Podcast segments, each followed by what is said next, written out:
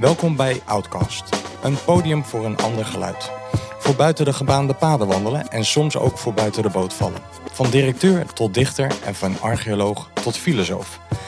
En vandaag is in Outcast te gast Klaas Rosemond.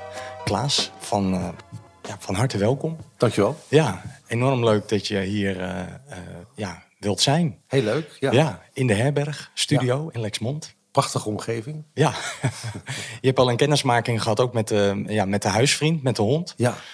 Met Gilly. Vriendelijke hond. Ja. nou ja, um, uh, ja, vandaag staat jouw verhaal centraal.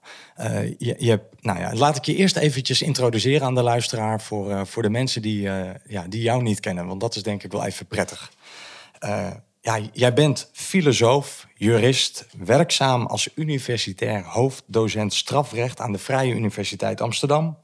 Je publiceerde eerder het standaardwerk Het menselijk kwaad over de vraag wat dat kwaad inhoudt. In het zelfgekozen levenseinde pleitte hij voor het recht om over je eigen levenseinde te beschikken. En samen met jouw vriendin Jet Nijkamp en je goede vriend Co publiceerde je Het aardse leven met zijn epicurische levensfilosofie en het meermalen herdrukte filosofie voor de zwijnen over het geluk van mens en dier. En dat laatste boek haalde ook de Socrates Wisselbeker. Althans qua als, uh, op de shortlist. Hè? De shortlist, ja, Precies, ja. Niet de prijs gewonnen, maar wel op de shortlist. we grepen net naast de prijs. Ja. En, en eigenlijk in die tijd, toen jouw eerste boek verscheen, Filosofie voor de Zwijnen, um, ja, heb ik eigenlijk ook jou leren kennen. Dus dat is, uh, nou, het was in 2004. Dus toen was ik uh, eh, 23, dus dat was nog in mijn studententijd. En uh, ja, jij was bevriend met Co. En ik was ook enigszins bevriend met Co. en onder andere Outcast nummer 27 heb ik een gesprek gehad met, nou, met de dichter dus Co Woutsma. En ja, jij bleek een van zijn beste vrienden te zijn. En ja, eigenlijk via dat boek uh, en dat was ook in mijn tijd, in de studententijd, dat ik helemaal in de ban was van, uh, van filosofie, wetenschapsleer. Ging een wereld voor me open. En uh, nou, toen waren we bij jou te gast en bij jouw lezingen samen met Jet en Co. en over zwijnen. en de centrale vraag van John Stuart Mill: is het beter om een tevreden zwijn te zijn of een ontevreden Socrates? Ja. Dat was eigenlijk de vraag die centraal stond in het boek. Ja. Nou, dat vond ik gewoon al geestig. Ja. Dus ik denk, ja, dit is niet alleen een een inhoudelijk scherpend boek, maar ja, het is ook grappig. Het is ook speels. En zo heb ik jou ja, ook wel leren kennen als mens. Ja, we hebben het met heel veel plezier gemaakt ook. Daar hebben we zes jaar over gedaan of zo. Van 1998 tot 2004. En uh, nou, we hadden een vast uh, schrijfritueel. Want de vraag was inderdaad, zijn mensen gelukkiger dan dieren? Nou ja, John Stuart Mill die zei is het beter om een ontevreden mens te zijn of een ontevreden Socrates of een tevreden varken. En uh, Mill koos voor uh, de mens, de ontevreden mens. Maar daar was ik het niet zonder meer mee eens. Dus toen ben ik inderdaad gaan lezen wat filosofen daarover schreven. Uh, wat beweren filosofen nou over het geluk van de mens in vergelijking met het geluk van de dier. En dan kan je dus heel selectief lezen. En um, ja, ik had gewoon een lijstje gemaakt met iets van 24 onderwerpen. 24 filosofen. Er zitten ook wel thema's bij, zoals vegetarisme en uh, reïncarnatie. en dan hadden we de afspraak: ik lees drie maanden lang zoveel mogelijk over een bepaalde filosoof, bijvoorbeeld uh, Schopenhauer of Plato. En, maar daar heb ik dan niet meer dan drie maanden voor. En aan het eind van die drie maanden moet ik een stukje schrijven over wat ik heb gelezen. Tien bladzijden of zo. En dan gaf ik dat stukje aan Co en aan Jet. En Co maakte er dan een gedicht van en Jet een tekening. En dan spraken we altijd af in een, uh, in een restaurant in de Jordaan, waar Jet toen nog uh, woonde. Of eigenlijk met z'n tweetjes uh, twee, ons tweede huis hadden, zou je kunnen zeggen. Nou ja, dat is een beetje overdreven. Maar goed, en dan gingen we altijd ergens in een, in een restaurant zitten en dan bespraken we de tekst en het gedicht en, en, en de tekening. En dat was nog in die tijd dat je dan dan kwamen er altijd van die uh, mensen uit Pakistan langs met zo'n uh, instant camera. Die dan zo'n zo'n Polaroid foto van je maakt. Weet je wel, die er meteen zo uitkomt. Dus daar hebben we een enorme stapel van dat soort foto's hebben we nog. Leuk. Dat ze dat met z'n drietjes op staan. Ja, en dat, eigenlijk was dat een krankzinnig lange tijd. Want als je 24 hoofdstukken hebt en, en, en drie maanden per hoofdstuk. Doe je zes jaar over een boek. En ik had daarnaast gewoon een gewone baan als docent strafrecht op de, op de Vrije Universiteit. Dus ja, dat was echt s'avonds deed ik dat dan s'avonds uh, stukjes van Plato lezen. Ja, en je was toen ook ja, mijn leeftijd. Ja, ik ben nu begin 40. Dus Ik ben iets ouder. Ik, was, eh, ik ben van 1960, dus ik was toen eh 43, 44. Ja. Toen het verscheen. ja, ja, 43. ja, maar in de, ik ben dan nu eh 42. Ja. Soms ben ik nog even aan het zoeken. Dan denk ik, oh ja, ik ben al 42. Maar in die tijd was je er eh, wel druk mee. Als je zegt eh, zes jaar lang. Dus dan ben je eind 30 ben je begonnen. Ja, ik, was in, ik ben in 1998 gepromoveerd. En dat was echt een, een nou ook al half filosofisch, maar ook strafrechtelijk. Want ik, ik ben docent strafrecht aan de, aan de VU. En in 1998 promoveerde ik. Toen had ik Jet ook net leren kennen, 1997. En eh, ja, we bleken een, een gemeenschappelijke belangstelling te hebben voor dieren op de een of andere manier. Dus we gingen in die tijd ook heel veel naar artes. Daar hebben we ook nog van die foto's van als je artes binnenkomt. Nu, nu is dat denk ik niet meer zo, maar toen stonden er nog fotografen die dan een foto van je maakten. En dan kon je aan het eind van je bezoek aan de arts kon je die foto weer ophalen. Dus daar hebben we ook nog een stapeltje van. Want Jet die had een abonnement op arts, die ging daar vaak heen. En, ehm, nou ja, en, die, en die vraag van John Stuart Mill die hield mij bezig. En, en, en Jet die vond het dan wel leuk om daar tekeningen over te maken. Dus dat was wel een eh, gemeenschappelijk, eh, gemeenschappelijk eh, interesse, gemeenschappelijk project. Nou, en, en vandaag gaan we het natuurlijk, ja, zoals het binnen Outcast inmiddels een beetje gebruikelijk is, vooral ook hebben over eh, de mens achter het verhaal. Dus ja, wat heb jij doorleefd eigenlijk in je eigen levensverhaal? Eh, wat wellicht ook een soort nieuwe kleur geeft op jouw, jouw, jouw professionele verhaal. Nou, hè, filosoof, jurist, maar ook gewoon echt schrijver. Dus ik vind het heel erg leuk om nou, een beetje met je door de tijd heen te reizen. Aan de hand natuurlijk van muziekfragmenten die jij hebt uitgekozen. Eh, en wellicht ook dat we dan wel een beetje in de grot van Plato kruipen. Want ik weet ook nog goed dat in die jaren dat we elkaar leerden kennen... eh, dat, eh, en Chip van Chipcast was eh, ja, een van mijn beste vrienden. Dat is hij trouwens nog steeds. En ja, wij waren allebei in de band van de filosofie. En ik nam hem mee naar, of ja, via mij introduceerde ik ook hem tot jou. Omdat ik zei, ja, ik ken Co. En eh, die, nou, die heeft een vriend Klaas. nou, toen eh, woonden we dus die lezingen bij rondom eh, jullie boek. En toen later nodigden we jullie ook uit bij Chip thuis. Omdat we zeiden, ja, wij, wij waren weer in de band van de Matrix. ja, En dat, in onze beleving ging dat ook over de grot van Plato. Ja. En eh, ja, Morpheus, een beetje een soort Plato-achtig figuur... die dan zijn leerling, Neo, The One... eh, uit de Matrix Ja. eh, trekt, hè, uit die grot trekt. En hem eigenlijk laat kennismaken met een hele andere kant van de realiteit. En jullie hadden, jullie hadden volgens mij ook geen televisie, in mijn herinnering. Of had je misschien wel, maar geen dvd's. Of... Nou, in ieder geval, jullie waren nog nooit in aanraking gekomen met de Matrix. nee, die hadden we niet, niet gezien, nee, die film. En dat verwonderde ons zeer. Dus toen hebben we een aantal eh, nou, die er toen uit waren bij Chip thuis gekeken. En toen bij dat laatste deel zijn we ook samen naar de bioscoop gegaan. Ja. Dus dat was wel... eh, En hij kwam op een gegeven moment opnieuw in de roulatie. Toen hebben we weer gezien, toch? Ja. 40 jaar Ja. Matrix of zoiets dergelijks. ja. Ja, ja, In Utrecht. ja. in Utrecht, ja. Nou. Maar dat terzijde. Ehm nou ja, dus eh, nou, er valt genoeg te bespreken. En ik dacht, het is leuk toch om ook een beetje te vertellen... hoe jij en ik elkaar hebben leren kennen... en in wat voor periode dat, dat was. Dus eh, nou ja, wij kennen elkaar eh, inmiddels in die zin al twintig jaar. ja. Maar eh, ja, laten we beginnen om bij jou ook even terug in de tijd te reizen. En wellicht ook dat je het eerste nummer van de dag daarbij al kunt introduceren. Dan gaan we daar naar luisteren en dan kunnen we nou, langs de lijn van dat nummer een beetje... ja, Ja, dat is, het eerste nummer is She, She's Leaving Home van de Beatles.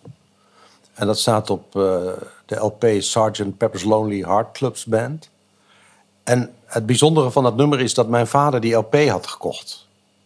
Ehm, en ehm, ja, dat, die, die is uit 1967 geloof ik, die plaat. Dus mijn vader heeft toen... eh, toen was mijn vader 37, als ik goed eh, reken. Hij is van 1930, daar is hij inmiddels overleden. Maar hij, hij, hij was dus wel geïnteresseerd in, in popmuziek. Niet heel erg hoor, maar hij had, hij had, wel wat plaatjes van de Beatles. En, eh, en dat vond ik ken- kennelijk wel interessant. Maar aan de andere kant was het wel een, een, gereformeerde man. Maar ik kom echt uit een gereformeerd milieu. Ehm, en eh, niet een heel streng milieu hoor, een beetje vrijzinnig. Ik ben in Naarden eh, opgegroeid, in het Gooi. En daar had je wel een gereformeerde kerk. Maar ja, dat was niet een hele strenge kerk. En het, het, eh, het was ook een periode, jaren 60, jaren 70, waarin, ook het, de gereformeerden een soort ontwikkeling doormaakten. Althans, de wat liberale kant van de gereformeerden naar um, wat er algemeen geaccepteerd is in de wereld. Ik kan me, ik kan bijvoorbeeld herinneren dat toen ik ging uh, studeren, toen heb ik nog even overwogen om, om, om uh, biologie te gaan studeren, want ik was wel geïnteresseerd in de evolutieleer. En toen ben ik nog met mijn moeder samen naar een introductie gegaan van biologie op uh, de Vrije Universiteit. Dat is dus echt een gereformeerde universiteit waar mijn vader ook gestudeerd heeft. En daar, daar heb ik dan een college bij gewoond van professor Lever. En dat was dat de... past mooi bij biologie ook. Ja, precies. professor Lever. ja, en die, en, de, en die stond bekend als de hoogleraar, de gereformeerde hoogleraar biologie, die voor de gereformeerde de evolutietheorie acceptabel had gemaakt. Want de, volgens de letterlijke tekst van de Bijbel is de aarde en, en de, het leven en de mensen zijn allemaal in zes dagen geschapen. En de zevende dag rustte God uit, zoals je weet. Ja. En uh, die evolutieleer die zei, het, nee, dat heeft miljoenen jaren geduurd. Of miljarden jaren zelfs. Ik geloof dat het leven iets van drie miljard jaar uh, heeft gedaan om... Tot wasdom te komen. Ja, te evolueren tot wat wij zijn. En uh, professor Lever die heeft dus de gereformeerden ervan weten te overtuigen, althans aan de VU, um, om, om, om de evolutieleer te accepteren. Maar dat betekent dus dat je afstand moet nemen van het Bijbelverhaal als letterlijk verhaal. En dat is in het christendom en, en vooral in de strenge protestantse takken is dat altijd een probleem. Afstand nemen van Gods woord. Want in de, wat in de Bijbel staat is, is Gods woord. Ja, is feitelijk. Ja, dan kan je niet zeggen, ja, maar die God die, eh, die, heeft, eh, die, die, die, die, die kende de evolutietheorie niet. Nee, die moet zijn mening of zijn visie herzien. Ja, je zou eigenlijk moeten beginnen met uh, ooit, ooit is er een eerste levensvormpje ontstaan, drie miljard jaar geleden. Dat zou het correcte verhaal zijn.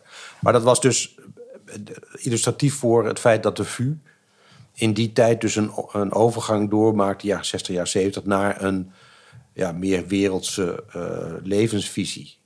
Maar je hebt nog steeds bijvoorbeeld uh, Andries Knevel van de EO. Ja. Ja, die, ik geloof dat dat tien jaar geleden was, dat hij op een gegeven moment zei: Ja, ik denk toch dat de evolutietheorie wel klopt. en dat was dan maar dat zijn veel strengere kringen, hè, de EO. En dat was voor die kringen weer heel erg schokkend. Dat Andries Knevel een, een, een, een openbaring deed. Ja, een voorman van, ja, de, de, inderdaad een soort tegenovergestelde openbaring van, uh, en dat betekent dus ook dat je een hele andere verhouding krijgt tot de Bijbel als tekst. Want het is niet letterlijk waar. Nee. Maar laten we even terugkeren naar dat bijzondere nummer van de Beatles. Dus ik stel voor dat we er eerst naar gaan luisteren. Ja. She's Leaving Home. Dus ik zie het zo voor me. Dat was dus een, uh, ja, een nummer op een plaat. Ja. Wat op uh, ja, 1967 in jouw leven kwam via jouw vader. Ja. Die blijkbaar toch een soort uh, zwak had voor popmuziek. Ja. Naast andere geluiden in zijn leven. She's Leaving Home van The Beatles. Wednesday morning at five o'clock as the day begins. Silently closing her bedroom door, leaving the note that she hoped would say more. She goes downstairs to the kitchen, clutching her handkerchief. Quietly turning the back door key. Stepping outside, she is free. She, we gave her most of our lives, is leaving. Sacrificed most of our lives. Ah. We gave her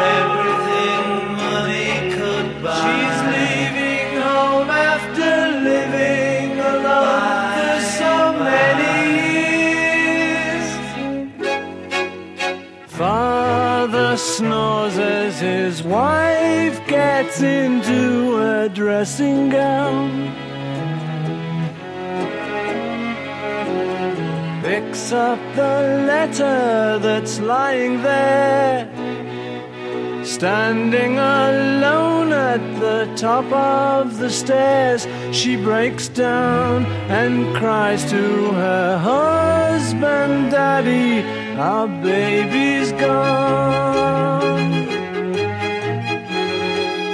Why would she treat us so thoughtlessly? How could she do this to me? She, we never thought of ourselves. Never a thought for ourselves.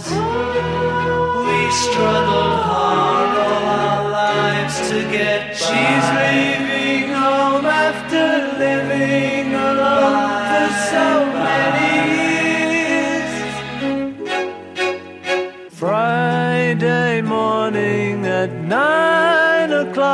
she is far away. Waiting to keep the appointment she made. Meeting a man from the motor trade. She, what did we do that was wrong?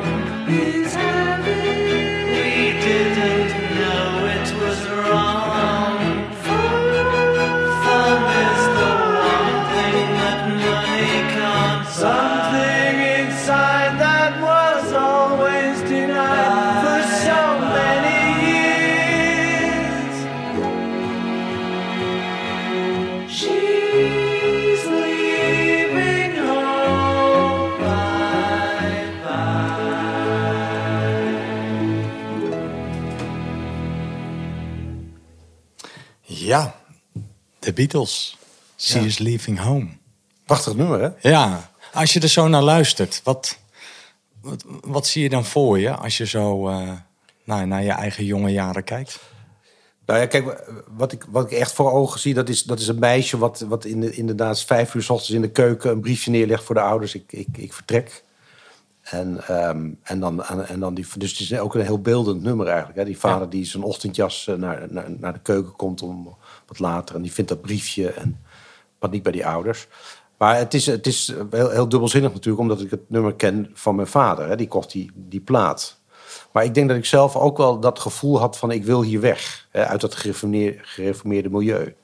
Dus het was een beetje een dubbelzinnig milieu. Aan de ene kant zaten ze nog net iets te veel, daar heb ik een beetje pech gehad. Dus eh, net iets te veel aan de strenge kant van, van, van het geloof. Maar wie had er pech gehad? Ik. Jij had pech dus ik had nog net pech dat, ik, dat mijn ouders nog net iets te veel aan de, aan de strenge kant van het geloof zaten. Dus ik moest naar de kerk, zondags. Ja. En dat vond ik heel vervelend. En ik moest naar catechisatie en ik moest naar christelijke scholen. Terwijl dat net ook weer die tijd was waarin ik zelf... Nou ja, als je bijvoorbeeld naar een christelijke school gaat... dan kreeg je dus biologie. En dan kreeg je de evolutieleer. Die in de jaren zeventig op een, op een hervormde school... was niet een gereformeerde, maar een hervormde school. Die waren nog liberaler dan de gereformeerden in die tijd. Dus het was een heel dub- dubbelzinnig gevoel. Van aan de ene kant zit je nog steeds in het milieu... wat gelooft in het scheppingsverhaal en in de Bijbel... en Jezus als eh, de, de Zoon van God. Ja. En ik geloofde het allemaal niet meer. Ik dacht, dat, is niet te dat geloof is niet te verenigen met ja, de inzichten van de biologie of de wetenschap. Eh, en dan is het. Voor, ik vond het dus heel vervelend om in die dubbel, dubbele wereld te leven. Dus ik wilde eigenlijk uit die gereformeerde wereld eh, weg. Jij wilde uit de grot van Plato ontsnappen. Ja, en, en ik, zo zou je het inderdaad kunnen, kunnen zien. Hè, dat, dat de gereformeerden of de, de, de, de christenen of de religieuzen in het algemeen een wereld voor zichzelf creëren waarin ze kunnen leven. Maar die wereld die is, die is niet in overeenstemming met de werkelijke wereld. Hè, dus de, dus eh, misschien zou je dit nummer zelfs als een soort. Wat was het ook weer? De, moest je nou de blauwe pil of de rode pil nemen? Met Ja, in de Matrix? Ja, uiteindelijk moest je de rode pil Ja. nemen. Want rood staat vaak voor kleur bekennen. Ja, en ik, en ik, zou, ik had dus toen de rode pil willen nemen. Ik, ja, die blauwe pil, dat zou me dan he- helemaal niet. Waar is die rode pil? Weet je wel? Ja, waar dat is die überhaupt? Ja, potje, potje, pillenpotje zoeken van ik ben op zoek naar de rode pil. Want ik wil, wil hier weg. Dus dat nummer. En waar kwam dat vandaan, dat gevoel van ik wil hier weg? Want het is ook je huis, je thuis, je veilige haven. Nou, ik denk, ik denk eh, vooral bijvoorbeeld eh, naar de kerk moeten. Eh, hè, dat je dan zondags van, van tien uur tot half twaalf in, in een kerk zit en een hele lange preek aanhoort. Over dingen waar je niet in gelooft. En dat is, ja, dat klinkt misschien een beetje overdreven, maar dat is, ja, dat is toch een soort dwang waar je in zit, waar je niet aan onderworpen wilt worden. En als, als mijn ouders iets, iets liberaler waren geweest, dan hadden ze eigenlijk gezegd... je hebt een rode pil of een, of een blauwe pil en kies maar. Ja, en wij, wij slikken deze pil. Dit Ja. zijn onze geloofsovertuigingen. Maar vind je eigen weg hierin? Ja, dus dat hadden ze in 1973, 74, of, eh, ja, toen ik Co leerde kennen bijvoorbeeld. Ja. Eh, en eh, hadden ze ook kunnen, kunnen zeggen van, nou, je bent nu middelbare school, je krijgt biologie, je, je, je bent je eigen idee aan het vormen. Dus we gaan je nou niet, vanaf nu gaan we je niet meer dwingen. Op het moment dat jij zegt, ik wil zelf kiezen, ik wil mijn eigen weg vinden. En mijn vader die was daar wel toe geneigd. Ik denk dat mijn moeder wat strenger was. Dus dat mijn moeder wilde dat ik gewoon heel traditioneel werd opgevoed. En dat wilde ik dus niet. Daar wilde ik echt Het ontsnappen. losbreken Ja, uit de ketens. dus he, he, he wants to leave home. Maar het, het, eh, en ik, ik, het is ook wel een beetje... Ik was ook niet zo slim als mijn oudere zus. Ja, want je, je, je bent de tweede, toch? Ja, En je oudere zus is ook filosoof? die is ook filosoof, ja. Maar die was, die was altijd iets slimmer, want die ging altijd naar alternatieve diensten. De zogenaamde spanddiensten in het spand in Bussum. Dat was op zondag. Ja, ja. Alternatieve diensten. Ja, en dat waren dan mensen, dat waren jongeren die dan zelf een dienst Organiseren. organiseerden. En ik herinner me ook dat dit lied daar ook werd gespeeld. Dus dat, dat sentiment van mensen die in die eh, gereformeerde eh, of in de protestantse hervormde milieus zaten, die hadden allemaal wel dat sentiment. Dus dat was een door, door velen gedeeld sentiment. En so- sommigen wisten dan te ontsnappen door te zeggen: Nou, ik ga zondag eh, naar de spandienst. En dat deed mijn zus. En dat werd dan oogluikend toegestaan. Dat mocht. Dat mocht. Ja. En daarmee vervulde ze haar plicht Ja. dat ze toch in de kerkelijke leer was. Ja. En ik heb dat op een gegeven moment ook wel gedaan, maar dat was toen een beetje. Want ik, ben, ik heb ook een beetje de pech dat ik ehm, eh, eigenlijk bij alles te laat ben. Hè. De hippies, dat was eigenlijk een aflopende zaak toen ik uh, hippiemuziek mooi vond. dus je viste steeds achter ja. het net. Alle linkse bewegingen die, die sloten hun deuren op het moment dat ik daar lid van werd. eh, dienstweigeraars. Ik heb nog dienst geweigerd, maar dat was eigenlijk ook de laatste lichting. dienstweigeraars. Eh, ik heb nog een tijdje in de rechtswinkel gewerkt, die toen ik daar kwam eh, in, in mijn studietijd heel links was, maar dat is eigenlijk ook allemaal eh, verdwenen. Dus dat is dat Ik zat eigenlijk op de nagolf van de jaren 60 cultuur. En mijn zus die zat er nog echt wel een beetje op. Hippies, eh, wereldwinkels, eh, alternatieve kerkdiensten, eh, de vrienden met lang haar waarmee ze eh, naar, naar Italië gingen en zo. En mijn moeder vond dat verschrikkelijk. Die, die wees dat af. Maar mijn zus die was daar denk ik handiger in. Of ik weet niet hoe ze dat deed. Maar die, die kon zich makkelijker aan, aan, aan het, Aan ja, het sociale huishouden- contract onttrekken. ja, het regime wat bij ons thuis eh, heerste. En ze zei ook wel, ze heeft later ook wel verteld, dan zei ze tegen mijn moeder: Ja, ik ga nou, ik ga eh, eh, zondag ga ik naar die en die kerk, want daar spreekt, preekt die en die dominee, willen we graag horen. Ging ze dan met een vriendin heen. Maar dan ging ze gewoon op de Bussemer hei wandelen. Een hele mooie hei trouwens. Ja. Dus dan ging ze niet, niet naar die kerkdienst. En dat, ja. Ze was dus iets slimmer. En ik, ik zat dus elke zondag met een, met een zuur gezicht in die, in die kerk. Je tijd uit te zitten. Ja, en op een gegeven moment ben ik ook gewoon niet meer gegaan. Dus dan, het ritueel bij mijn, bij, bij, bij mijn ouders was altijd... dan eh, stond mijn vader om eh, negen uur 's ochtends op eh, zondagochtend... onderaan de zoldertrap. Ik had een zolderkamertje. En dan riep hij opstaan naar de kerk. Ja, en op een gegeven moment ben ik gewoon blijven gaan liggen. negeren. Ja, Het doet me heel erg denken aan mijn jonge jaren. Ik ben Ja, ja. dan wat later geboren, maar dit, eh, ja, dit brengt toch wel erg veel herinnering naar boven. Hoe het ook bij eh, eh, ons thuis eraan toe ging. En op een gegeven moment ben ik het ook gewoon gaan negeren. Dat ik Ja. dacht, ik doe net alsof ik nog steeds gewoon slaap. ja, Want ik wil gewoon niet meer mee. Ik geloof hier gewoon niet meer in. ja. Nou, dan hebben we de hele gedeelde ervaring. Ja.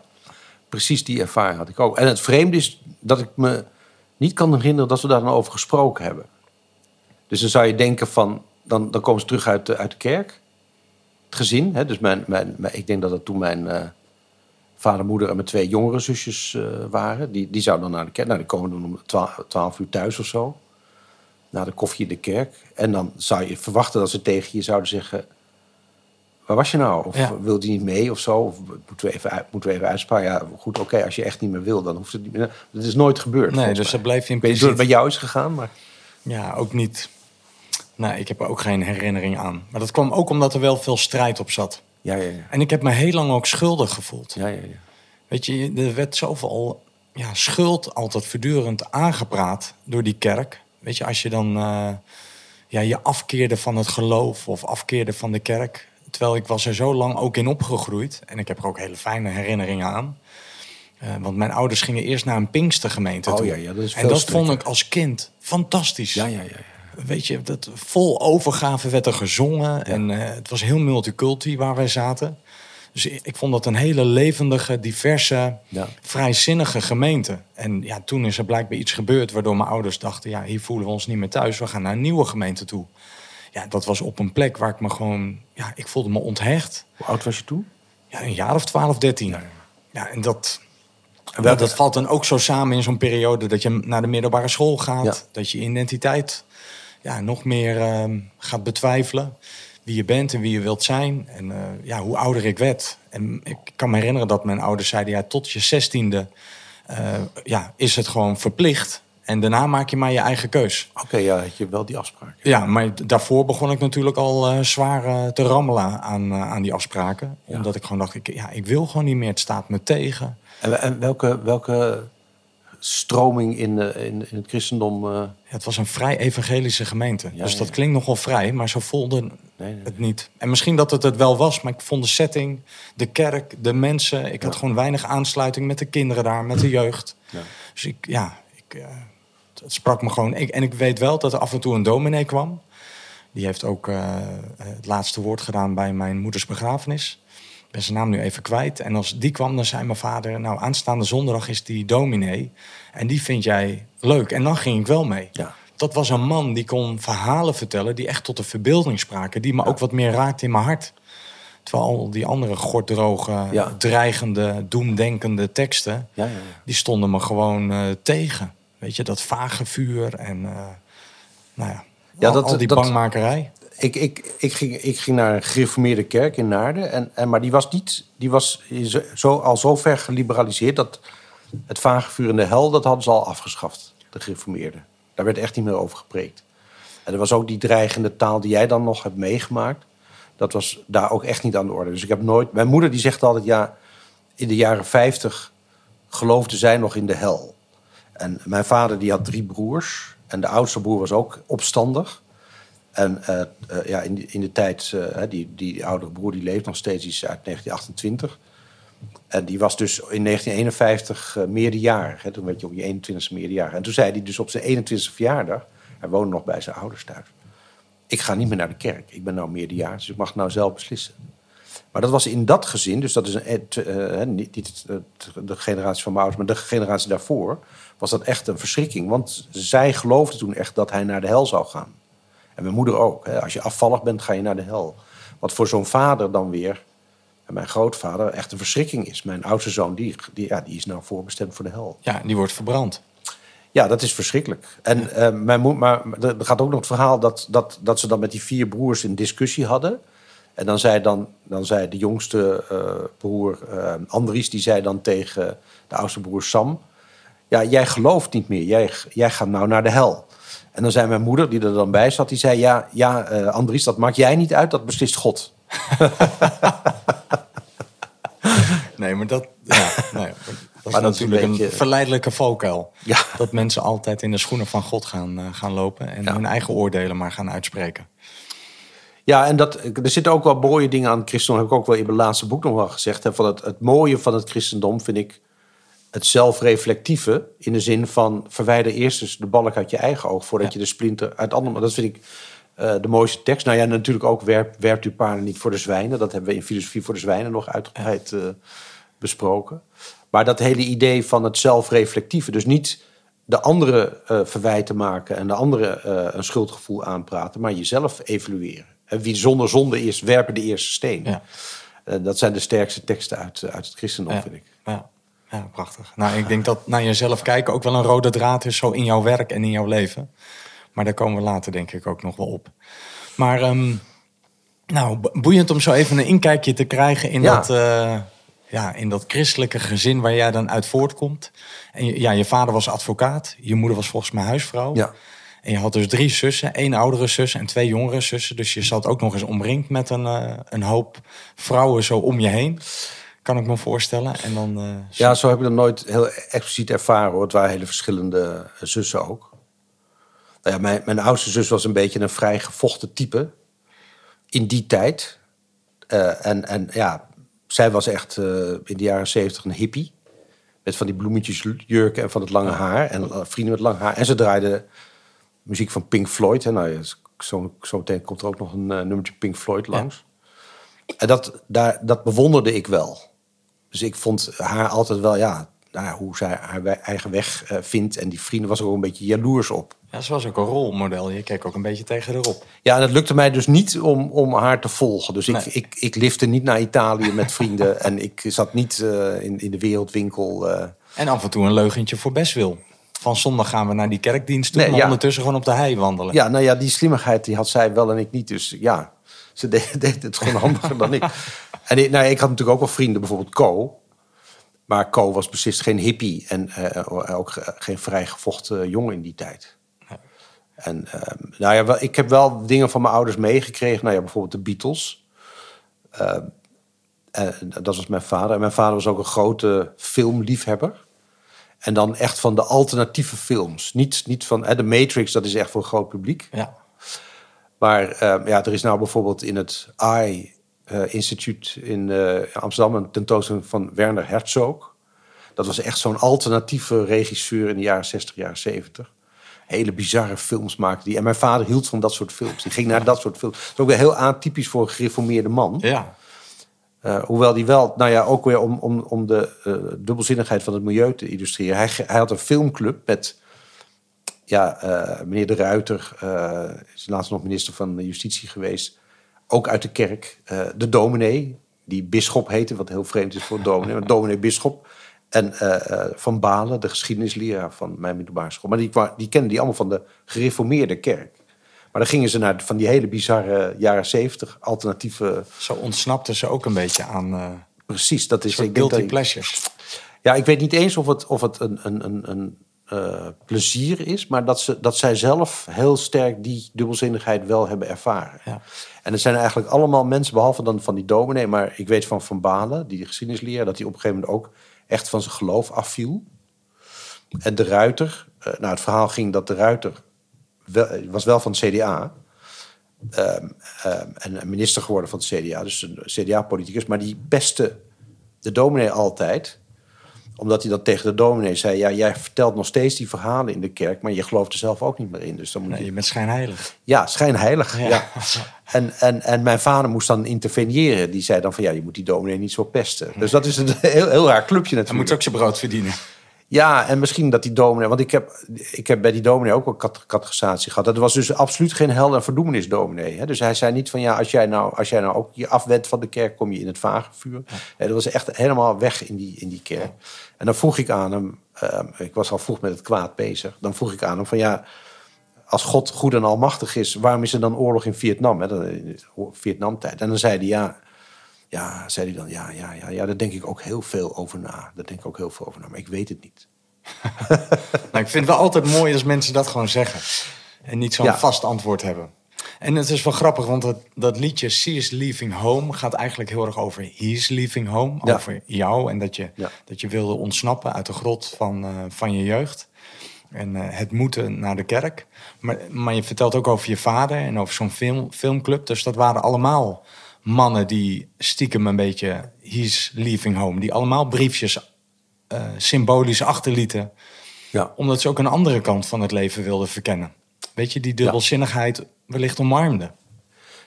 Ja, en ik denk dat ze daar allemaal ook wel in stilte mee worstelen. Nou ja, dat is ook weer heel typisch voor de gereformeerden natuurlijk. Je, je spreekt dat niet uit. Maar je doet dat in stilte. En mijn vader was helemaal zo'n figuur. Die, eh, mijn vader had een moeder die eh, heel lang reumatiek had... en in een rolstoel zat en hulpbehoevend was... maar daar nooit iets over zei, nooit iets over klaagde. Dat was ook de filosofie van mijn vader. hè, van het leed wat je overkomt, dat gooi je niet op tafel. Eh, de twijfels waar, waar je mee worstelt, dat, eh, daar ga je niet over in gesprek met, eh, met je directe omgeving. Dat hou je voor jezelf. Ja. En ik denk dat hij ehm, nou ja, misschien ook wel die tekst op de een of andere manier ook wel kon volgen. Ja. En dan vanuit het perspectief van de ouder, maar ook vanuit het perspectief van het kind. Van je Ja. wil, wil misschien wel ergens aan ontsnappen. Ja. Het doet me ook denken aan dat nummer van R.E.M., Losing My Religion. Ja, ja. Dus, eh, maar dat, Hadden we ook kunnen draaien. Ja, zeker. Dat, eh, Nou, ja. ik ben mijn religie nooit kwijtgeraakt. Want ik heb, ik heb nooit echt geloofd. Nou, misschien toen ik acht, negen was... dat ik wel gewoon naar de kerk ging... en, en zoals jij bij de Pinkstergemeente Ja. deelde in het ritueel. Ja. Maar niet echt een, een inhoudelijk eh, eh, godsgeloof of religieus ge- geloof had. Dat heb ik nooit gehad. Nou, voor mij is, is. Nou, ik heb er wel lang ook mee geworsteld. En ook, ook in een tijd dat ik werd gepest op de middelbare school. Ja, bad ik ook echt veel. Ja. Dus dan, ik voelde me heel eenzaam in die periode. En toen heb ik wel veel gehad aan gewoon bidden. Jezus was bijna een soort denkbeeldige vriend. Ja. Waar ik gewoon tegen kon praten. Waar ik mijn, eh, mijn, ja, mijn verdriet, mijn onzekerheid, mijn tranen of zo Ja. mee kon delen. En dat ik dacht, hij, hij steunt me.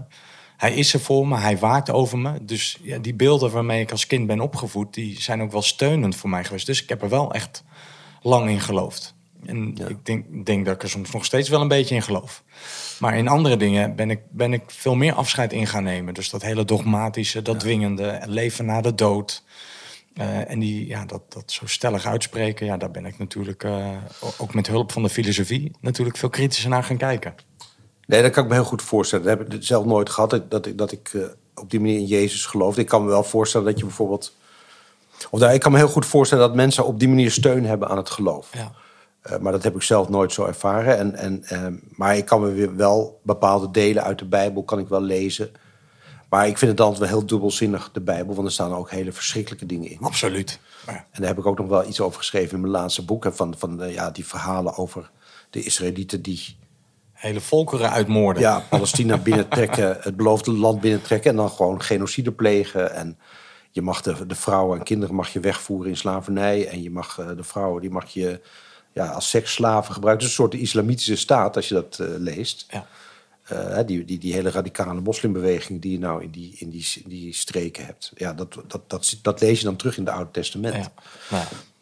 Hey, ehm, je had het net zo over je vader en in stilte worstelen.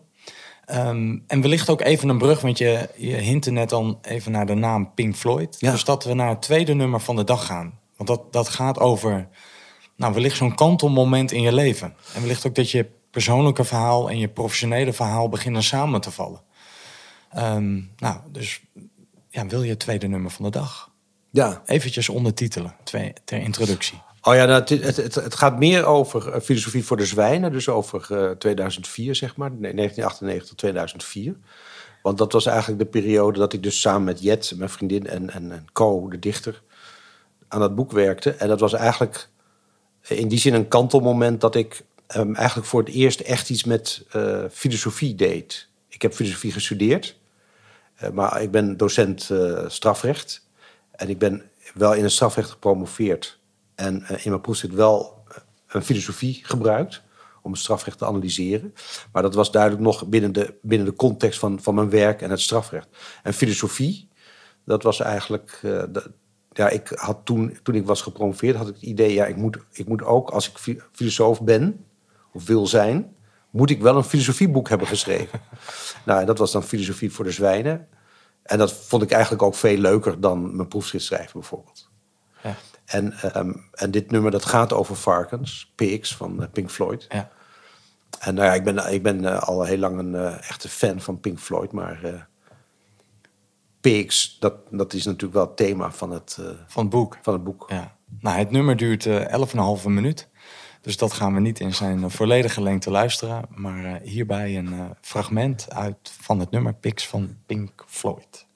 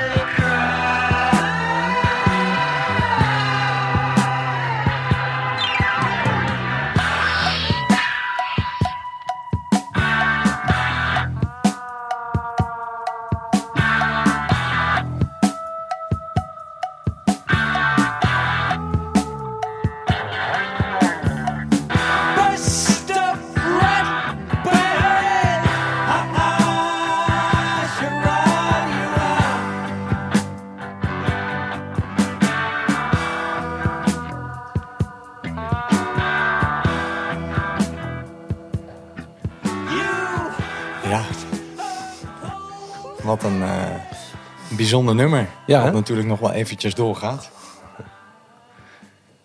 Ja, what do you hope to find down in the pig mine?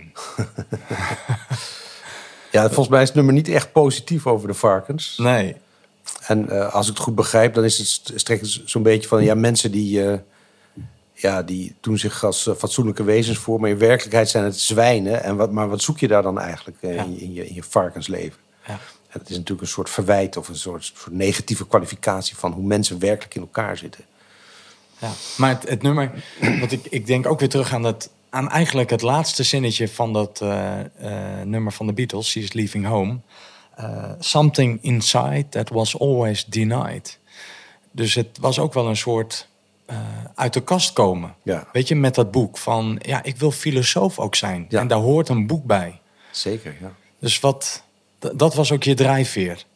Van, weet je, en, maar je, je wilde ook een, be- nou, een bepaald geluid laten horen. Ja, en misschien is het ook wel weer een beetje, beetje ontsnappen. Hè? Want, want eh, de, de juridische wereld is natuurlijk ook een vrij beperkte wereld. Als je het alleen maar over eh, strafrecht hebt. En over, me ook een conservatieve wereld trouwens. Nou ja, in de, in de, als je gewoon eh, bij een rechtbank werkt of een gerechtshof. Ik had tijdens mijn eh, proefschrift wel een tijdje als griffier gewerkt bij een gerechtshof. Ja, dat is een beetje een, een, inderdaad een conservatief, een beetje stijve wereld. En de juridische wereld ja, is ook, ook een beetje een wereld waar, waar tot op zekere hoogte kan worden gediscussieerd, maar het is altijd ergens, ergens begrensd. En bij filosofen heb je juist dat tegenovergestelde van filosofen, die willen altijd verder discussiëren. Dus als jij A zegt, dan zeg ik ja, maar kan je dat tegen inbrengen. Dus dan komen we op B uit en dan zeg jij, ja, maar tegen B kan je dat inbrengen. En dan zeg ik, nou oké, dan komen we op C uit. En dan zeg jij weer, nou en zo, filosofie is nooit eindig. En, en filosofen kunnen eindeloos door, door oude hoeren. En dat hebben, dat hebben juristen niet. Die willen, die willen een beslissing. En nou, is het, nou heeft eh, de, de wetgever heeft een wet gemaakt of de, de Hoge Raad heeft een uitspraak gedaan. Ja, dan is de discussie ten einde. En dat, voor filosofie, filosofen is dat niet acceptabel. Nee, het houdt nooit op, hè? Nee. Nou, ik vind het ook wel grappig, want die dubbelzinnigheid waar, die in het leven zit... waar je vader wellicht in stilte mee worstelde... die zit eigenlijk ook ergens in jou. Ja. Snap je? Dus ik snap ook goed dat je zegt, ja, die filosofiekant... ja, dat, dat was ook iets in mij wat opborrelde. Dat, hè, down in the pig mine. Weet je, het moest er gewoon uit. Ja. Ja, ik had het met, met mijn proefschrift had ik ook, ik had iets beweerd. In mijn proefschrift, dat heeft me ook enorm dwars gezeten, heel lang. Ehm, ik had iets beweerd van een bepaalde uitspraak van de Hoge Raad, klopt niet. Of eh, hoe daarover gediscussieerd wordt binnen de strafrechtswetenschap, dat klopt niet. Dat moet je anders zien. Had ik wat informatie over eh, gevonden. eh, in oude kamerstukken uit, eh 2000, eh, nee, uit 1914. Maar goed, verder, verder niet heel erg groot, groot punt. Maar het lukte mij niet om die discussie te voeren met collega strafrechtswetenschappers. Want die hadden zoiets van, ja, maar dat, dat is toch in 2000 eh, of in 1926 is dat toch al beslist. Dus waarom, waarom moet je daar nou, nou, nou nog over verder praten? Dat, is, dat staat al vast. Dat staat in alle, alle handboekjes. En ik, ik zei, ja, maar dat staat niet goed in die handboekjes. Als je het goed verder analyseert, dan zou, je het echt, dan zou echt een andere benadering moeten worden gekozen. En dat is me niet, dat is me niet gelukt in de strafrechtswetenschap. Nee, dus je werd een beetje een outcast. Zeker. Ik ben een echte outcast in de, in de strafrechtswereld. Omdat? Nou ja, omdat ik dus inderdaad, als dan, als dan de Hoge Raad heeft beslist, of als iets in de wet staat, of iets geaccepteerd is in de handboeken. Kijk, juristen zijn eh, heel conventioneel. En jij zei con, con- conservatief, maar ik denk dat ze conventie, ze willen een conventie, een afspraak. Ja. En als die gemaakt is, dan moet je verder niet zeuren. Dan, dan, Dan hou je eraan. Dan volg je... ja, volgzaamheid. Ja. En ik ben, nou ja, ik ben juist een filosoof. En filosofen die zeggen, ja, als dit een conventie is, moeten we wel gaan kijken of die klopt. En dat is in de juridische wereld is dat een stap te ver, heel vaak. Soms niet, soms worden de conventies ook wel weer veranderd. Maar, maar meestal is het zo van, nee, maar die discussie hebben we nou al gehad. De, de Hoge Raad heeft gesproken, de wetgever heeft het vastgesteld. Je kan het allemaal hand, in alle handboekjes staat dat en dat en dat. Dus dan begin jij weer te zuren dat het niet klopt. En dan ben je dus in, ja, precies wat jij zegt, een, Een een, outcast. Ja, je maakt het te lastig. Ja, en dat, heb ik va- dat maak ik vaker mee in, het, in, de, in de strafrechtswereld. En dan wil ik altijd weer ontsnappen. Op een gegeven moment wil ik dan eigenlijk weer ontsnappen naar de filosofie. Ja. Want als je in de filosofie zegt, Plato beweerde dat en dat, maar dat klopt niet. Nou, dan staan de filosofen in de rij om in, de, in discussie te gaan. Dus dat, vinden, dat is het vak van de filosofie. Ja. Dus de discussie. Is dat ook het verhaal van je hart? Nou ja, ik, ik ben wel zo iemand, ja. Dus ik, ik ben, eh, als, als je ben je nou een jurist of ben je een filosoof? Nou kijk, als ik bij juristen ben, dan zeg ik altijd, ja, ik ben eigenlijk een filosoof. Als ik bij filosoof ben, dan zeg ik, ja, ik ben eigenlijk jurist. Dus dat is ook altijd, ik wil altijd een beetje ontsnappen. Altijd, Ja. eh, Als je weer in zo'n conventie of Ja. in zo'n malletje wordt geduwd, dan denk je, ik moet eruit. Ja, want, te- want tegen filosofen kun je altijd weer zeggen... ja, maar het recht zit nou eenmaal anders in elkaar. Dat is altijd, ook altijd leuk. En dan moet je ze dan uitleggen. En bij, maar bij, bij juristen kan je dan zeggen... ja, jullie denken dat het recht zo in elkaar zit... maar dan kun je best in discussie stellen. Maar dat lukt dan bij die juristen lukt, lukt dat niet. Dus je vindt het leuk om tegen draads te zijn. Zeker, ja. Ik ben echt een dwarsligger. En, en waar komt dat, wat drijf je daarin om dat te zijn? Nou ja, misschien als we, als we weer teruggaan naar, naar mijn jeugd... Dat, dat, dat gevoel wat ik had van... ik zit in een milieu waar dingen worden beweerd die niet kloppen. En ja, Daar dan- moet ik aan conformeren. Ja, dus, dus ik, ik wilde echt. ehm, maar dat lukte bij mijn ouders niet. Hè, wat, eh, ja, wat er in de Bijbel staat, dat klopt niet. Of, eh, ja, die discussie die kon je niet voeren. Hè. Nou, Misschien heb je die ervaring ook wel als je gewoon in een kerkdienst bent en er worden dingen gezegd. En dan komt de vraag bij je op. Nou, misschien bij de Pinkstergemeente wel, maar bij, bij een gereformeerde kerk is het echt iemand die op een kansel staat boven de gemeente. En, en, en zijn woord over de gemeente laat eh, neerdalen. Ja. En, het is nooit, en dan denk je, dan denk je misschien, ja, maar wacht eens even, daar heb ik wel een vraag bij. Maar dat, je kan niet tijdens de kerkdienst Nee, zeggen, ja, setting. dominee, dominee, u zegt nou dat wel, maar, maar ik, weet, ik weet niet. Ik weet niet helemaal zeker of dat klopt. Nee, en ik had laatst, ik ben met mijn moeder toen op latere leeftijd nog een paar keer naar de kerk geweest. En dat was in de grote kerk in Naarden. Misschien dat ik dan wel gelovig was als mijn ouders hervormd waren geweest. Want het was de kerk van de hervormden. Dat is een hele mooie kerk, hè, met een, met een plafondschildering en schitterende raam waar het licht doorheen valt. Dus dan, dan zit je gewoon heel, in een hele mooie kerk. Ja, dan ben je, raak je een beetje betoverd. Ja, en dat is die gereformeerde kerk waar mijn ouders naartoe gingen. Dat was een heel saai jaren 50 kerkje met eh, smalle raampjes en verder niks. Maar die dominee die las dan een tekst voor uit eh, Deuteronomium van, eh, van, de, van de Bijbel. En dat was een tekst. En ik had het van tevoren gelezen, want ze zeggen dan van tevoren... nou, de kerkdienst van zondag die gaat over die en die tekst. En dat was dan een tekst... En die, die zegt dan van God is liefde en God eh, zorgt voor het volk. Allemaal tegen het volk Israël. Hè? Maar die dominee las dat, las dat voor. Maar dan stopte hij met voorlezen. Maar als je dan in de Bijbel verder keek, dan stond er... Ja, dus jullie mogen alle andere volken uitroeien... en ik zal jullie daarbij helpen in de strijd... en jullie mogen ze wegvoeren. Je moet, je, je moet de altaren vernietigen. En dus het was een hele dubbelzinnige tekst... van aan de ene kant liefde voor het eigen volk... maar een verschrikkelijke eh, agressie tegen anderen. Dus dan leest zo'n dominee, die leest er dan voor tot, tot, tot, tot het agressief wordt... En dan heb ik de neiging om mijn vinger op te steken. Ja, maar dominee, kunt u nog eventjes verder lezen? Want daar wordt het toch echt problematisch. Maar dat kan dan natuurlijk niet in die context. Nee, en in, in je laatste boek, de, de beste filosofische ideeën om je moraal te verbeteren, heb je het ook over dat sociale contract. Ja, Weet je, waar je, ja, dan dan zou je dat ter discussie moeten stellen. Ja, Van hoe het hoort en wat je impliciet dan wel expliciet met elkaar hebt afgesproken, hoe je met elkaar in gesprek bent. ja, En daar is het gewoon een dominee die het woord over eh, de gemeente heen stort. ja. Terwijl je eigenlijk dat contract even zou willen verbreken. Om te zeggen van ja, ik, eh, ja, het mag, ik, mag ik er wat anders van vinden? Ja, mag in- dat er ook zijn? ja, in die zin is, het, is, het, is de hele setting van een, van een religieuze dienst, althans een, een, een christelijk religieuze dienst, heel gesloten. Dus de, de uitgangspunten staan vast.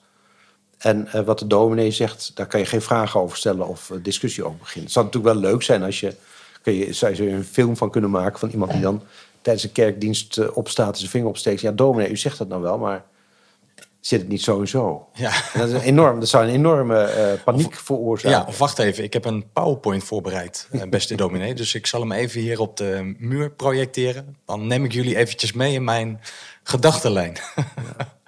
Ach ja. Het zou, Maar, eh, heel- het zou- het is- dat heeft me dus in mijn jeugd wel dwars gezeten. En da- daar komt het misschien dat dwars... Hè, de- Ja, het dwars gezeten. dwars en het, dus dus daar, daarom ben ik ook een dwarsdenk. dwarsligger geworden. Ja. Jullie zeggen dat nog wel, maar dan heb ik een vraag. En dan is het eigenlijk in de context voor bepaalde mensen heel vervelend. Nou, leuk. Ja, het is ook heel herkenbaar. Ja, Dus het verhaal wat je vertelt, ja, ik, mijn context zag er net wat anders uit. Maar eh, het roept wel veel herinnering op en ook veel herkenbaarheid op. Ik denk dat veel mensen mij ook typeren als een, eh, als een dwarsdenker. ja. Nou ja, kijk, jij bent de organisatieadviseur. Dus ik, ik kan me voorstellen dat als je een organisatieadviseur binnenhaalt, dat je dan juist iemand wil. Dus misschien had ik eh, organisatieadviseur moeten worden. Eh, of filosoof, dat, daar zit natuurlijk ook verband in. Want je komt ergens in een bepaalde context en je zegt: Ja, jullie willen van mij weten wat er, wat er anders kan, wat er verkeerd gaat. Daar moet ik echt naar kijken. Dus als jij zegt: Ik heb hier een vraag, waarom doen jullie het eigenlijk zo en zo? Dan doe je je werk. En dan kunnen ze niet zeggen: Ho eens even, jij gaat die kritische vraag stellen. Dat is niet de bedoeling, Ga, gaat er maar weer weg. Nee, de, de point van jouw vak is, denk ik... Ik, ben, ik weet verder heel weinig van, van maar, de- maar ik denk dat de point van jouw vak is... in de organisatie komen, rondkijken... en dan dan jij zegt, ik ben een dwarsligger... en daarvoor huren ze je in. Ja. Maar dat is natuurlijk heel... Dat is, eh, eh, ik, ik zit dus heel vaak in situaties dat ik dwarsligger ben... en dan krijg ik ruzie of dan willen ze me niet meer. Maar jij, jij hebt een veel betere weg gekozen. ja, dat is de vraag. Ja? Ja, nou ja, maar da- daar kunnen we weer een hele andere podcast aan wijden. Ja. Soms ja, ben je ook een legitimatie voor iets anders. Ja. Dus dan willen ze eigenlijk niet echt veranderen. Ja, ja, En dan wordt er iets uitbesteed. Ja. En dan kunnen ze net als Pilatus achteraf weer hun handen in onschuld eh, wassen. Van nou, Ja. eh, zo hadden we het ook niet helemaal bedacht. Ehm, maar ja, er- zijn heel veel rollen en plekken waarop je als adviseur van betekenis kunt zijn. Maar je moet ook altijd wel scherp zijn in dat contact. Wat is hier nou de werkelijke vraag? Ja. Wat doet dat met mij? Ja. En wat willen ze nou echt? En wat is de vraag achter de vraag? Dus het is ook wel heel erg puzzelen. Dus in die zin heb ik ook altijd wel veel baat aan de filosofie. Dat je toch altijd kritisch blijft op, ja, wat, wat zeggen mensen hier nou? Wat bedoelen ze daarmee? En in welke grot zit ik nu weer gevangen? Of eh, trekken ze me eigenlijk in mee? ja. Dus eh, nou, het, het, klinkt altijd wel zo mooi. Zoals ik het ook in mijn studententijd leerde. Maar in de praktijk leer je toch dat dat eh, nou, een, een bijzondere dans is met elkaar. Maar, ja, maar ik snap nou wel wat beter wat jou dwars zat. En wat jou tot een dwarsligger vervolgens heeft eh, gemaakt laterop in je leven. En hoe de filosofie daar baat bij eh, kon hebben. En ehm, laten we voor nu gaan naar het laatste nummer van de dag wat je hebt meegenomen ja. een beetje een soort verlangen, perspectief op de toekomst. Eh, Joy Division, Decades. Nou, dat is een hele. Dat is een band uit 19. eh, een, een nummer uit 1980. Maar Joy Division, dat is, was geen, geen vrolijke band. Ik weet niet of je, of je ze kent. Zeker. Ehm, ehm, Anton Corbijn die heeft nog een film gemaakt over Joy Division, over de zanger Control. Een hele sombere film. Die man, die zanger, ik dacht dat die Ian Curtis heet. Dat moet ik weer even uitzoeken. Maar die heeft zelfmoord gepleegd. Hè, op het moment dat ze eigenlijk aan het eh, doorbreken waren. En Joy Division, ja, dat is. eh, dat, ik weet niet waar je- of je weet waar dat op eh, slaat, die, die, de naam van de band. Eh, nee, maar de leadzanger was sowieso Ian Curtis. Dus je had zijn naam goed. Oké, ja.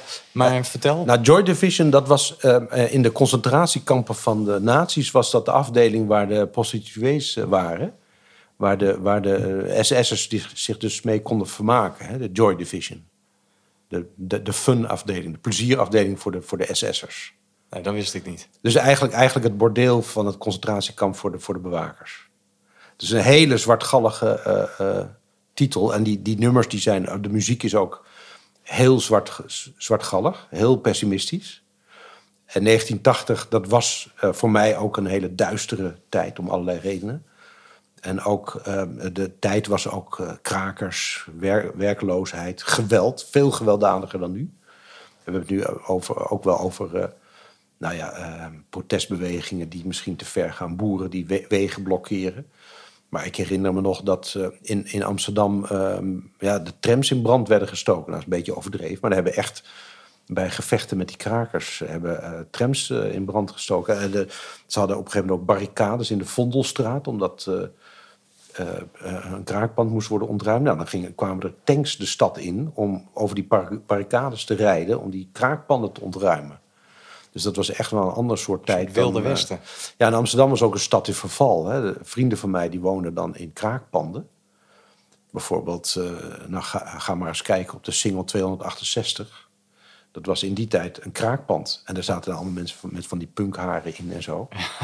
En ratten op hun schouder. En, en, en, en nu, ja, ik denk dat je daar 5 miljoen voor moet betalen om een pand te kopen. Ja.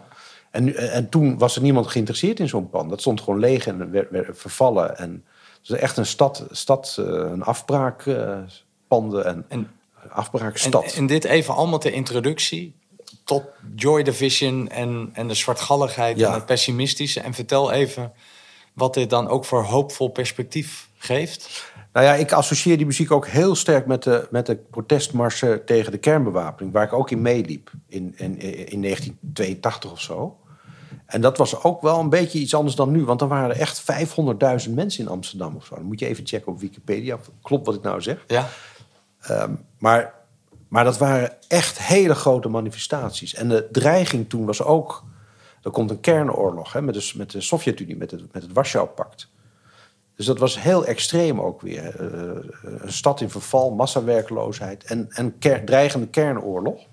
En er zijn echt honderdduizenden mensen, ook in Den Haag, die daar de straat op gingen.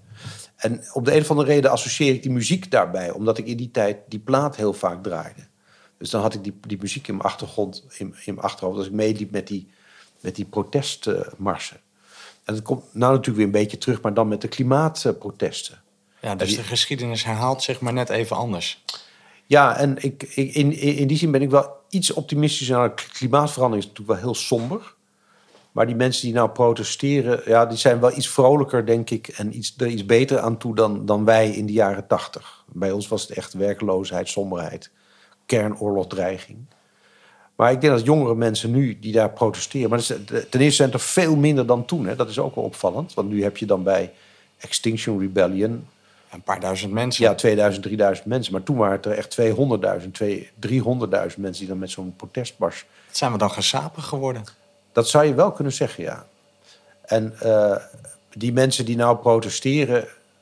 Nou ja, die studeren bijvoorbeeld rechten. Eh, ik, ik studeerde toen in die tijd ook rechten. Maar nu zijn het mijn studenten die daar protesteren.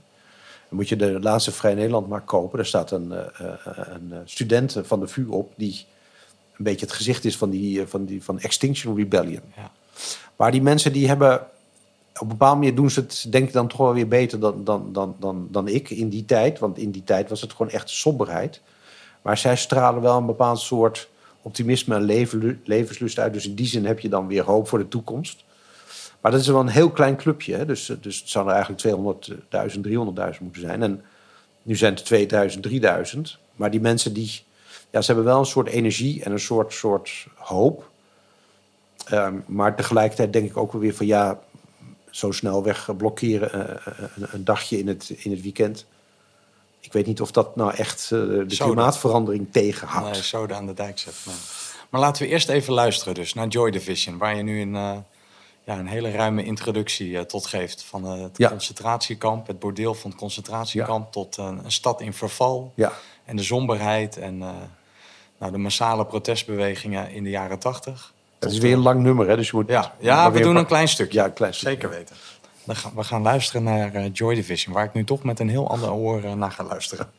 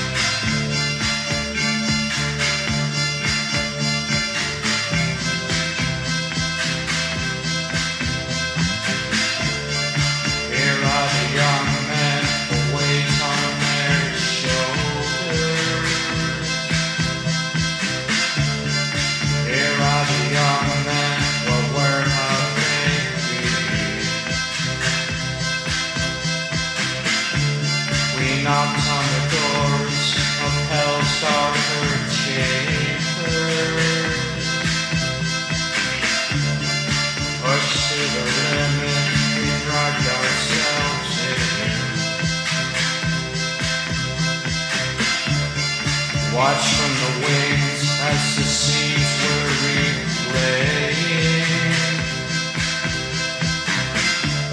We saw ourselves now as we never had seen.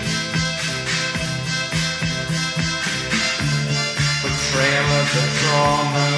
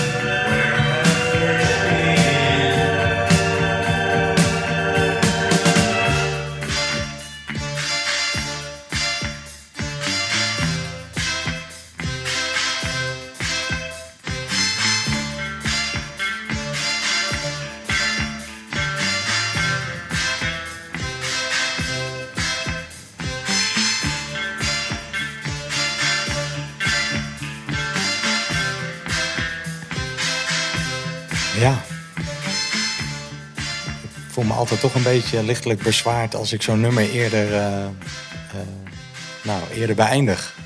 Ja, Snap je? Omdat er, ja, er zit zo'n verhaal altijd in. ja.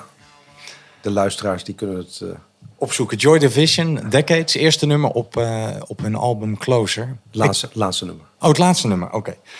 Nou, de laatste zullen de eerste zijn. Ehm, maar op, op die voorkant van het album van Closure, d- dat doet me ook, dat vind ik bijna ook wel een bijna een religieus beeld. Ja. Het doet me een beetje denken aan, aan het overlijden van Jezus. Ja. En eh, ja, dat, dat, je ziet eigenlijk twee vrouwen zitten bij eh, eh, ja, een man die ligt opgebaard. En die, die lijkt toch wel heel erg op Jezus. En er wordt geweend Ja.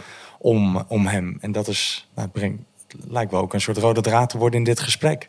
Ja, misschien is het ook wel een aankondiging van de eigen dood van Ian Curtis. Hè, dat hij zelfmoord pleegde. Dat hij zichzelf ook als een soort verlosser beschouwde. En misschien voor de mensheid eh, wilde sterven. Ik weet het niet. Ja. Ja, Nou, die, die film van eh, Anton, Anton Corbijn, eh, Control. Die, die, die ja die heb ik toen voorbij zien, ja, zien komen. Dus dat is een aanrader. Ja, het levensverhaal van eh, Ian Curtis. Ja. Maar ook wel heel tragisch natuurlijk. Hè, want ik geloof dat ze twee albums hebben gemaakt. En ze werden steeds bekender. Ze traden op in televisieprogramma's. En toen pleegde hij zelfmoord. Dus eigenlijk op het, Hoogtepunt? nou ja, op het begin van zijn roem. Dus als hij, als hij nog eh, vijf platen later... eh, nog vijf platen had gemaakt... dan was hij eh, een grote popster geweest. En je had, daarna had je de band die is doorgegaan onder de naam New Order. Ja. En dat is, meer, dat is een soort techno-disco. Heel ander soort muziek. En die is, dat is een grote band geworden, New Order. Maar dat zijn eigenlijk de mensen, de, eigenlijk de, ba- de bandleden die zijn overgebleven. Nou, maar je hoort in, in dit nummer hoorde je ook al wel een beetje dat techno, hè, dat eh, Ja, een synthetische. beetje- ja, het is een beetje overgangsnummer. Want als je de andere nummers hu- eh, luistert, dan is het eigenlijk veel meer punk. Ja. De echt harde gi- gitaarmuziek. Eh, niet, echt, niet die echte keiharde punk. Ik heb altijd een beetje spijt, want ja, in die tijd was ik 22, 23, zeg maar.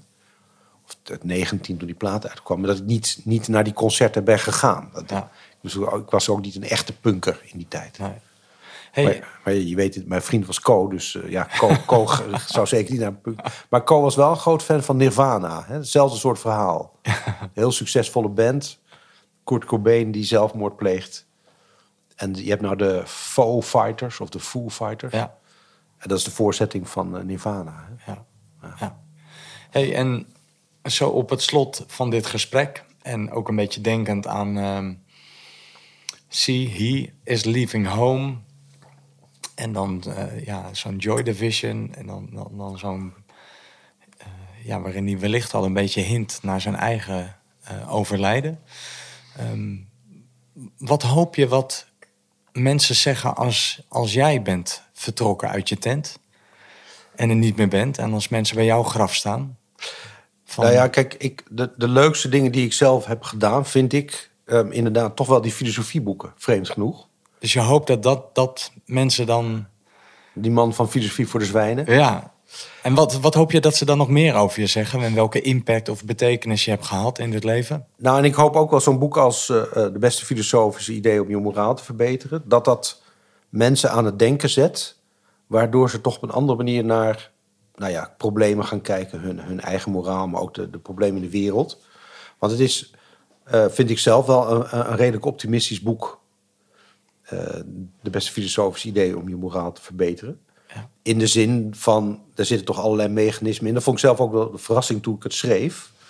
Want ik zag mezelf niet echt als een hele grote optimist. Nou ja, we hebben Pigs van Pink Floyd, gaat niet een heel po- positief nummer. Eh Decades van, eh, van Joy Division, ook niet heel vrolijk. Maar, maar ik, dit boek, daar had ik zelf het, het, het, het, eh, gevoel bij toen ik het schreef. Van, er zitten in de filosofie toch heel veel dingen die je kunnen helpen. Nou ja, je, had het, je kan in gesprek met Jezus, zei jij. Ook wel een mooie gedachte. Ja. Maar je kan ook wel in gesprek met, nou ja, bijvoorbeeld Marcus Aurelius. Ik kan iedereen die in de shit zit. Ja, de Stoïcijnse Romeinse filosoof. Ja, geachte luisteraar, als u in de shit zit. Nou ja, je kan de bergreden van Jezus lezen. Maar je kan ook eh, de, de, de bekentenissen van, of de, de persoonlijke aantekeningen van eh, Marcus Aurelius eh, lezen. Chip die zei dat. Hè? Die, in, in het gesprek wat ik met Chip had, zei hij ook van ja. Toen hij het moeilijk had in zijn leven, is hij Marcus Aurelius gaan lezen. En dat is een heel bijzonder boek van iemand die... Ja, de persoonlijke notities, hè? Ja, Ja. Die, dat is een van de weinige eh, eh, mensen in de geschiedenis van de filosofie die echt in staat was om naar zichzelf te kijken. Heel bijzonder. En dat was ook de leer van de, van de Stoïcijnen. Hè? De leer van de Stoïcijnen was, en dat is het geweten, of je verstand, of je, je, je, je, ratio, de- logos. Je kan naar jezelf kijken, je kan jezelf evalueren en dan kan je jezelf verbeteren. Dus een beetje een, een, een, een optimistische filosofie. Terwijl je dan ook je gebreken onder ogen ziet. Nou, als organisatieadviseur heb je er misschien ook wel wat aan. Nou ja, en ik, ik heb vorig jaar maakte ik een hele donkere tijd door. Ja. En eh, toen kreeg ik ook echt de opdracht eh, van, eh, van degene die mij begeleidde om echt een dagboek bij te houden. Ja. En, en kijk, ik denk Marcus Aurelius gebruikt het natuurlijk heel erg om ook te reflecteren op zijn handelen, op zijn opvattingen. Doet me ook denken aan filosoof Hannah Arendt, die Ja. ook zei: je denken moet je regelmatig hernemen. Ja. Je moet het eigenlijk herdenken. Ehm, en, eh, ja, en ik kreeg echt die opdracht om, om ook gewoon een dagboek bij te houden. En dat ging bij mij vooral ook over positieve dingen benoemen. Eh, gisteren eh, zag ik nog een fragmentje van eh, eh, oud-hoogleraar Paul de Blot. Die was hoogleraar in spiritualiteit op Nijenrode. 95-jarige leeftijd overleden, hele bijzondere man. Die had het ook over herinneren. En hij zegt, ja, het geheugen zit in je hoofd, maar herinneren zit in je, in je hart. Dus hij haalde dat herinneren, haalde hij ook uit elkaar. Ja. Weet je, je moet je voortdurend weer herinneren aan, aan, aan waar je dankbaar voor bent, wat je mooi vindt. En wellicht ook dat je denkt, nou, dit zou ik morgen weer beter kunnen doen in mijn gedrag. Ja, ja Marcus Aurelius die begint met een, eh, een opsomming van mensen die hem positief hebben beïnvloed. En eh, het is een beetje saai als je begint te lezen, maar als je dat vanuit dat herinneren. En de, het is eh, een boek wat niet geschreven is voor een publiek. Het is echt een dagboek voor hemzelf. Ja. En hij was de machtigste man hè, in, in zijn tijd. Hij was de Romeinse keizer. Ja. En nou ja, dan schreef hij s'avonds in, in, in zijn dagboek. En de volgende dag moest hij weer barbaren in de pannen hakken op het slagveld. Dus het was wel een beetje dubbelzinnig ook weer. Maar het is, ik heb een beetje spijt dat ik in mijn laatste boek ehm, eh, wel een en ander over de Stoïcijnen zeg. Maar het had dus nog beter gekund als ik Altijd, echt, echt altijd. goed over die Ja. Stoïcijnen had geschreven. Dat is wel een hele bijzondere stroming. En die Marcus Aurelius dus echt als enige... En je hebt eh, heel veel bekentenissen in de, in de filosofie van, van Augustinus bijvoorbeeld. En van Rousseau. Maar dat is altijd voor een publiek. Hè. Dan presenteer je jezelf aan, het publiek als een soort voorbeeld...